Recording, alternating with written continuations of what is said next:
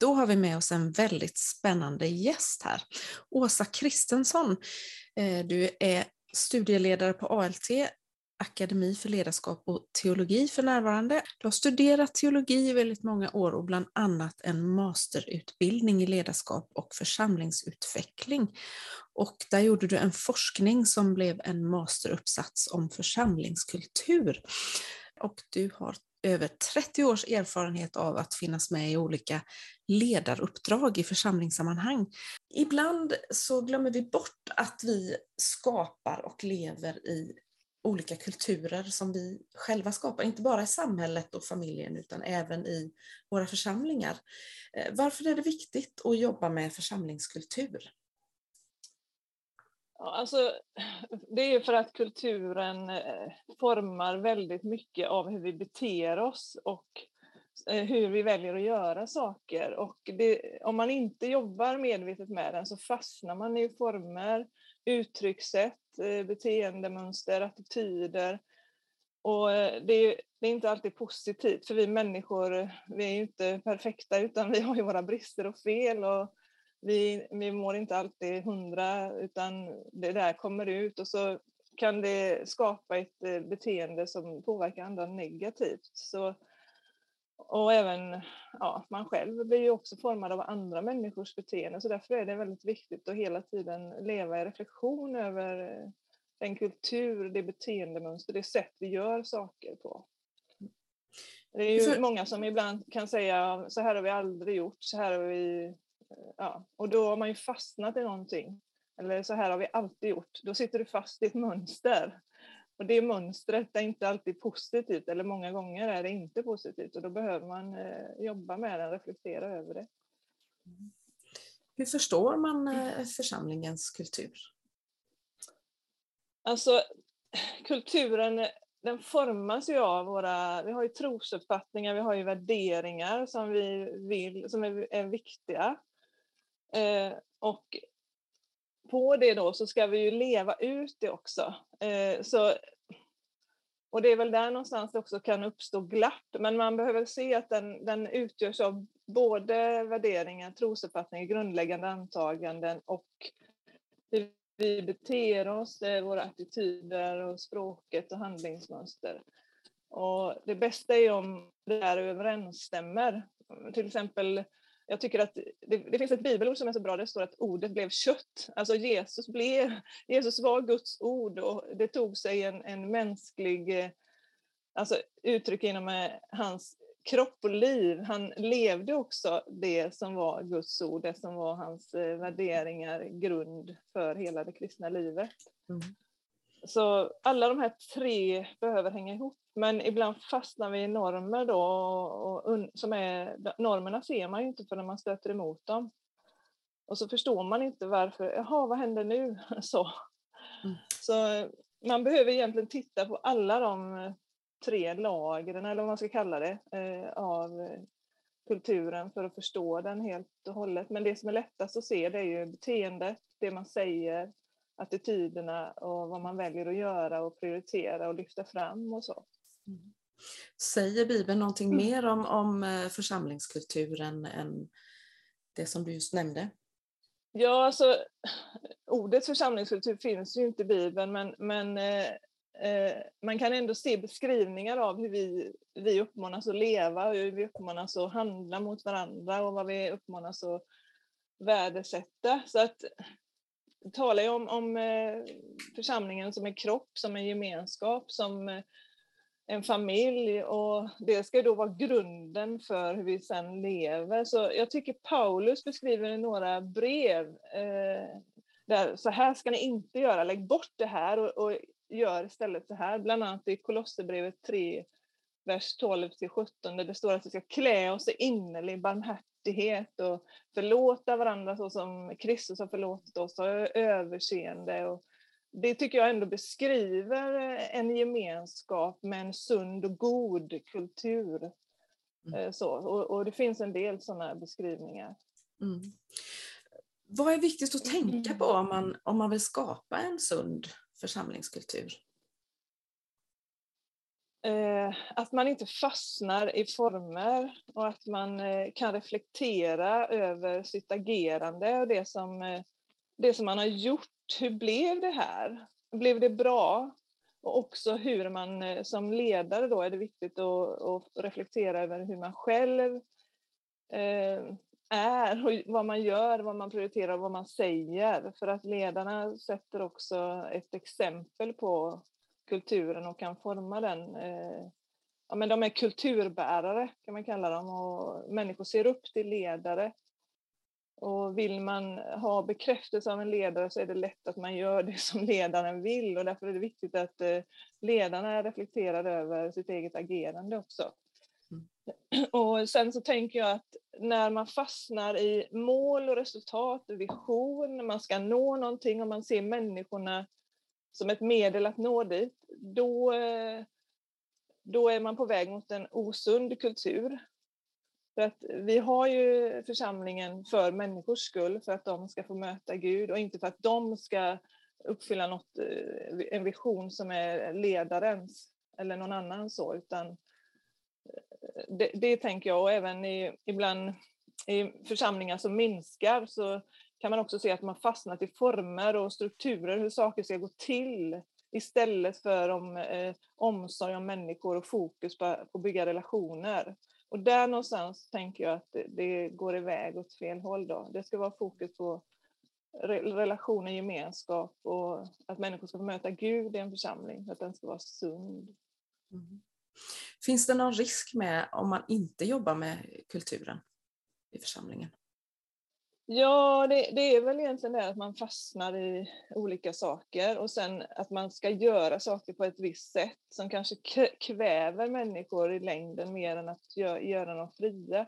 Om någon annan eh, ska bestämma hur jag ska få eh, göra som, som jag upplever att eh, Gud kallar mig till, då, då blir det istället att man tar ifrån människor glädjen och eh, ja, engagemanget. Mm. Och i längden så kväver ju det mer än vad det frigör. Eh, ska man vara vaksam på några specifika signaler i, försam i sin församling? Ja, eh, om man inte får ställa frågor, vilka frågor som helst, utan man får bara säga det som eh, ledarna har bestämt till exempel. Eh, att, att det andra tystas ner det är en viktig signal, tänker jag. Och, eh, också det här om man inte kan erkänna fel, om ledarna inte kan erkänna fel, eller vi människor överhuvudtaget inte kan erkänna fel. Det är också en, en signal som eh, man ska vara vaksam på. Eh, för det, sånt skapar ju, ja, om man inte får ställa frågor så skapar ju det en tystnadskultur, eller hur man väljer att behandla de som ställer frågorna skapar en tystnadskultur. Till exempel om någon ställer en obekväm fråga i ett sammanhang, ett församlingsmöte eller någonting. Och så ser man bara hur, hur ledningen, de som ska svara på frågan, bara vänder det där mot att den här personen, det är den det är fel på typ. Då kommer aldrig mer någon att välja ställa en fråga. För att så vill ingen bli, bli behandlad. Alla som är i det mötet kommer att tänka att näst, jag vill inte bli behandlad på det sättet, så jag väljer att inte ställa min fråga. Och då har du skapat en tystnadskultur. Så man, man, om man, ibland så säger vi att ja, vi vill vara en varm gemenskap, men om vi svarar så när människor uttrycker en annan åsikt än den jag uppskattar, då, då låser vi kulturen och så leder det till tystnadskultur. Så man måste vaka över hur man agerar om man säger att man vill vara en varm församling. Då, då måste vi låta människors även obekväma frågor komma fram. Och, och, eh, ja, och så sen eh, hastigheten tror jag också.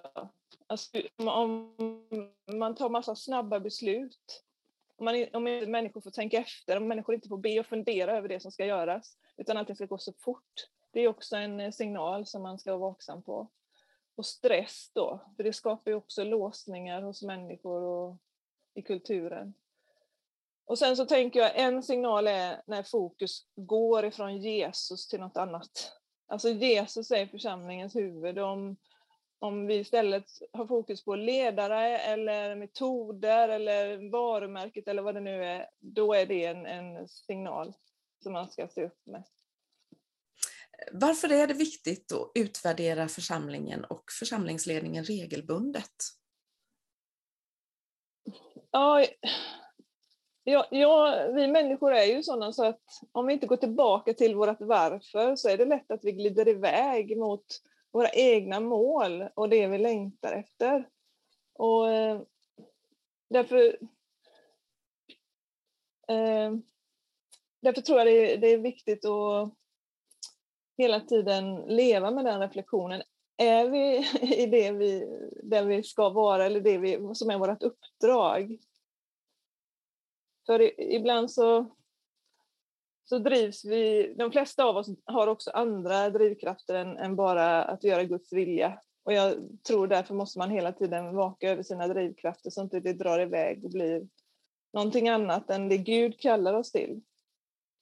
Och ledarskapet är ju också delar i kroppen. Det är inte, det är inte de som är huvudet egentligen, utan Jesus är huvudet. Så de ska ju frigöra människor att eh, tjäna i, det Gud har lagt ner i deras liv. Men om istället uppdraget blir att vi ska, medlemmarna ska göra ledarnas eh, mål och, och visioner, ja, då hamnar man lite fel där. Hur, hur kan man utvärdera församlingen? Finns det något sätt som man kan komma vidare på?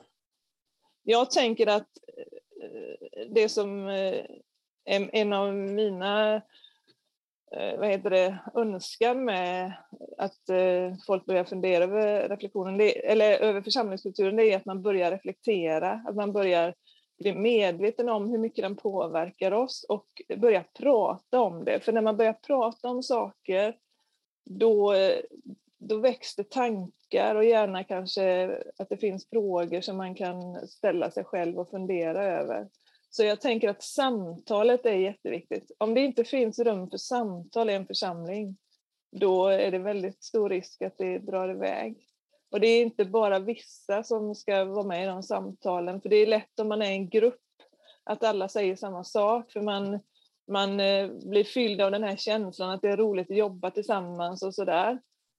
Men eh, man behöver få in andras perspektiv också, för det finns, människor är ju olika och man upplever inte saker på samma sätt. Och eh, då tänker jag att man ska också lyssna på de som vågar säga någonting annat Alltså för det, det, krävs mod i en, i en gemenskap, om det är 100 pers, och säga något annat än det som 70 stycken har sagt och ingen annan har sagt. Alltså det, det krävs mod att våga säga det. Så jag tänker att när man gör det, och inte bara av elakhet, utan man vill få igång ett samtal eller en reflektion, då ska man lyssna på det de säger, för det finns sanningar i det. Det finns alltid sanningar i det. Så att det finns samtalsforum och tid för reflektion, det är ett sätt i alla fall att börja fundera och utvärdera kulturen. Hur bryter man gamla invanda mönster? Kan man förändra en negativ församlingskultur? Församlingskultur är egentligen det svåraste att förändra tror jag och det är också den som är grunden till om man ska lyckas med de förändringar man vill göra i församlingen eller, eller få nå visionen. För att om kulturen inte kan bära en förändring eller den här visionen man har så är det kulturen som kommer rätta upp eh, alltså visionen. Det är, culture eats strategy for breakfast är ett välkänt uttryck, men det är väldigt sant. Mm. Kulturen äter upp visionen om du inte har en kultur som kan bära visionen.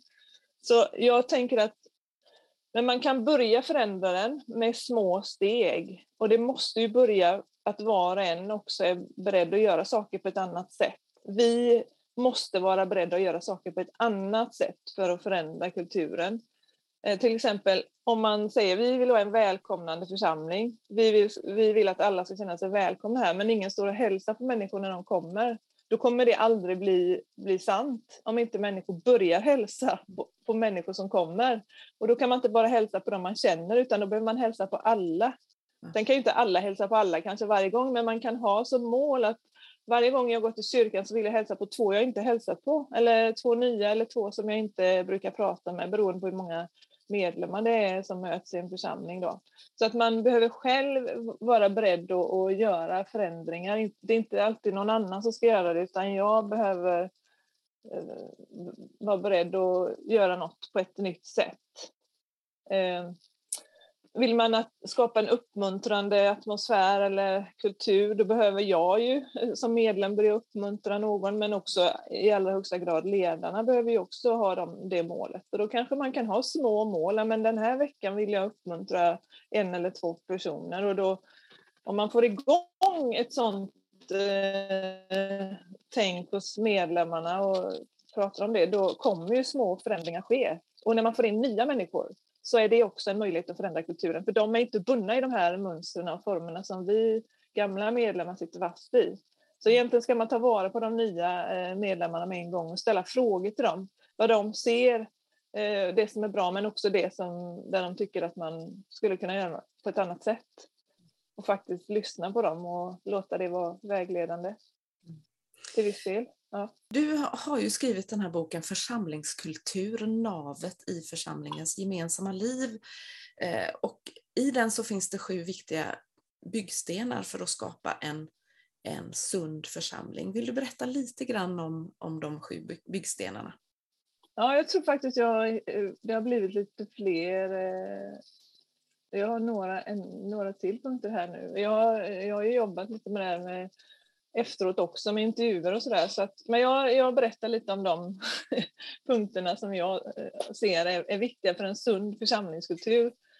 Och eh, det är viktigt att det finns samtalsforum där man lyssnar på varandra, där man får samtala även om, om det som är svårt och inte alltid så enkelt och att man kan få lyfta olika perspektiv och få ställa frågor utan att bli ifrågasatt, även om frågorna är obekväma. Och jag tror att församlingsledningen församlingsledning kommer vinna mycket mer förtroende på att främja ett sådant eh, samtalsklimat i församlingen än på att alltid ha rätt eller bara ge utrymme för det som de tycker är det de vill höra. Eh, och sen är det viktigt att vara öppen och generös mot olika uttryckssätt i församlingen. Alltså, man kan säga mångfald, då menar jag, inte, då menar jag mångfald i sätt att uttrycka sig som människa och få göra saker på på sitt sätt. Alltså, om vi, om vi bestämmer att vi ska hälsa på nya medlemmar så måste det finnas en frihet i det. Att jag får hälsa på mitt sätt. Vi är olika som människor. Om, om jag tvingas in i att jag måste göra på ett visst sätt, en form eller ett mönster för det, då blir det ändå inte frihet i det, utan då kommer man känna sig bunden. Så att uh, ha, ha den generositeten, att när jag ber någon annan göra någonting eller någon annan gör en uppgift så kommer det ske på ett annat sätt. Och ibland är det en utmaning för man vill gärna att det ska bli som man själv tycker är bäst. Man tror man vet vad som är bäst. Så, men, men att jobba med den öppenheten och generositeten mot andra sätt att göra saker på.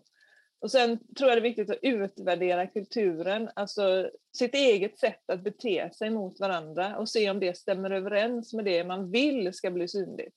Alltså beter vi oss på ett bra sätt mot varandra? Beter vi oss respektfullt? Är vi förlåtande? Är vi barmhärtiga? Och vad lägger vi i det? Vad lägger vi i att vara barmhärtig? Att utvärdera det. Och sen reflektera över sitt eget beteende. Hur uppfattas jag? Hur uppfattas det jag säger och det jag prioriterar och lyfter fram som viktigt? Och speciellt då kanske de som har eh, den rollen att lyfta fram saker eh, som ledare. Att det tänker jag är, är jätteviktigt, att ledare reflekterar över sitt beteende och agerande och det man väljer att lyfta fram. För de påverkar ju kulturen i större grad. Och när ledare säger att de inte behöver reflektera för att de inte har gjort något fel, det är för mig en väldigt tydlig varningssignal på att någonting är fel. Alla människor behöver reflektera över sitt agerande, och speciellt ledare som har större makt och inflytande över andra människor. Ehm, sen hur, hur man hanterar kriser och konflikter är också en viktig del och det tänker jag man ska göra på ett öppet och inlyssnande sätt. Alltså inte sopa dem under mattan och låtsas som att allt är bra. för det där kommer pysa över efter ett tag. Om vi, om vi inte hanterar konflikterna så kommer de ploppa upp. Och då kan det bli explosioner som skapar jättestora problem istället för om man hade tagit det från början och vågat prata om det så hade man kunnat avdramatisera det på ett helt annat sätt. Eh, och när, speciellt om ledarna har gjort fel som påverkar församlingen så är ju det eh, väldigt viktigt att man vågar erkänna att det här blev fel, det blev inte så bra, men vi vill göra bättre framåt. Och kanske då backa också i en situation där man har gjort fel och hitta en bättre väg framåt. Eh, och sen möta människor i församlingen genom att se dem. Alltså inte bara hej hej så här, utan se människor och lyssna till dem och visa att man bryr sig. Alltså att lyssna. Vissa människor behöver någon som lyssnar på dem och det tänker jag att vi är kallade till i församlingen, att lyssna på varandra, att se varandra. Sen kan man fundera igenom hur man kommunicerar till sin församling. Eh, så att det blir på ett öppet och inbjudande sätt och inte så här, att nu ska ni göra så här eller vi ska göra så här utan att folk förstår varför. Varför ska vi göra så? Vem har kommit på det och varför är det bra? Alltså förklara istället, ge, ge möjlighet att eh, ställa frågor också. Och sen så det, det som är det viktigaste och det som är vårt uppdrag, att det finns forum i församlingen för människor att ständigt bli berörda av Guds kärlek, att möta Jesus. För att hårda hjärtan skapar en hård och kontrollerande kultur och det kan vi läsa om med fariseerna, alltså fariseernas Eh, sätt att eh, eh, leva andligt på Jesu tid hade skapat en hård kultur och han var där och försökte frågor till dem och få dem att reflektera. Men det, när man läser så, så uppfattar jag nästan inte att de ens ville fundera över de frågorna utan de ville ta tyst på honom istället så de, dö, de såg till att han blev dödad. Och vi måste hela tiden hjälpa människor att få möta Jesus för det är bara han som kan förvandla våra hjärtan så att vi vill leva ut hans kultur i vår gemenskap. Så det tänker jag är jätteviktigt att fundera över. Hur blir människor, hur får de möta Jesus? Hur blir de förvandlade av hans kärlek i vår församling? Ger vi utrymme för det? Alla, alla säger ju att man vill det, men gör, ger vi verkligen utrymme för det på riktigt? Och, och ja, så de punkterna tänker jag är, väldigt bra med sig för att ha en sund församlingskultur. Stort tack Åsa Kristensson för att du ville komma hit och berätta lite grann för oss om församlingskultur. Och är det så att man vill veta mer om det här och eh, läsa mer om boken till exempel så finns den ju här på Nya Musik på Nyhemsveckan uppe vid Stråkenhallen för dig som finns på Nyhemsveckan. Gör du inte det så kan du gå till Eh, webbsidan församlingskultur.com så finns det mer information där om allting som Åsa har pratat om idag. Tack så mycket!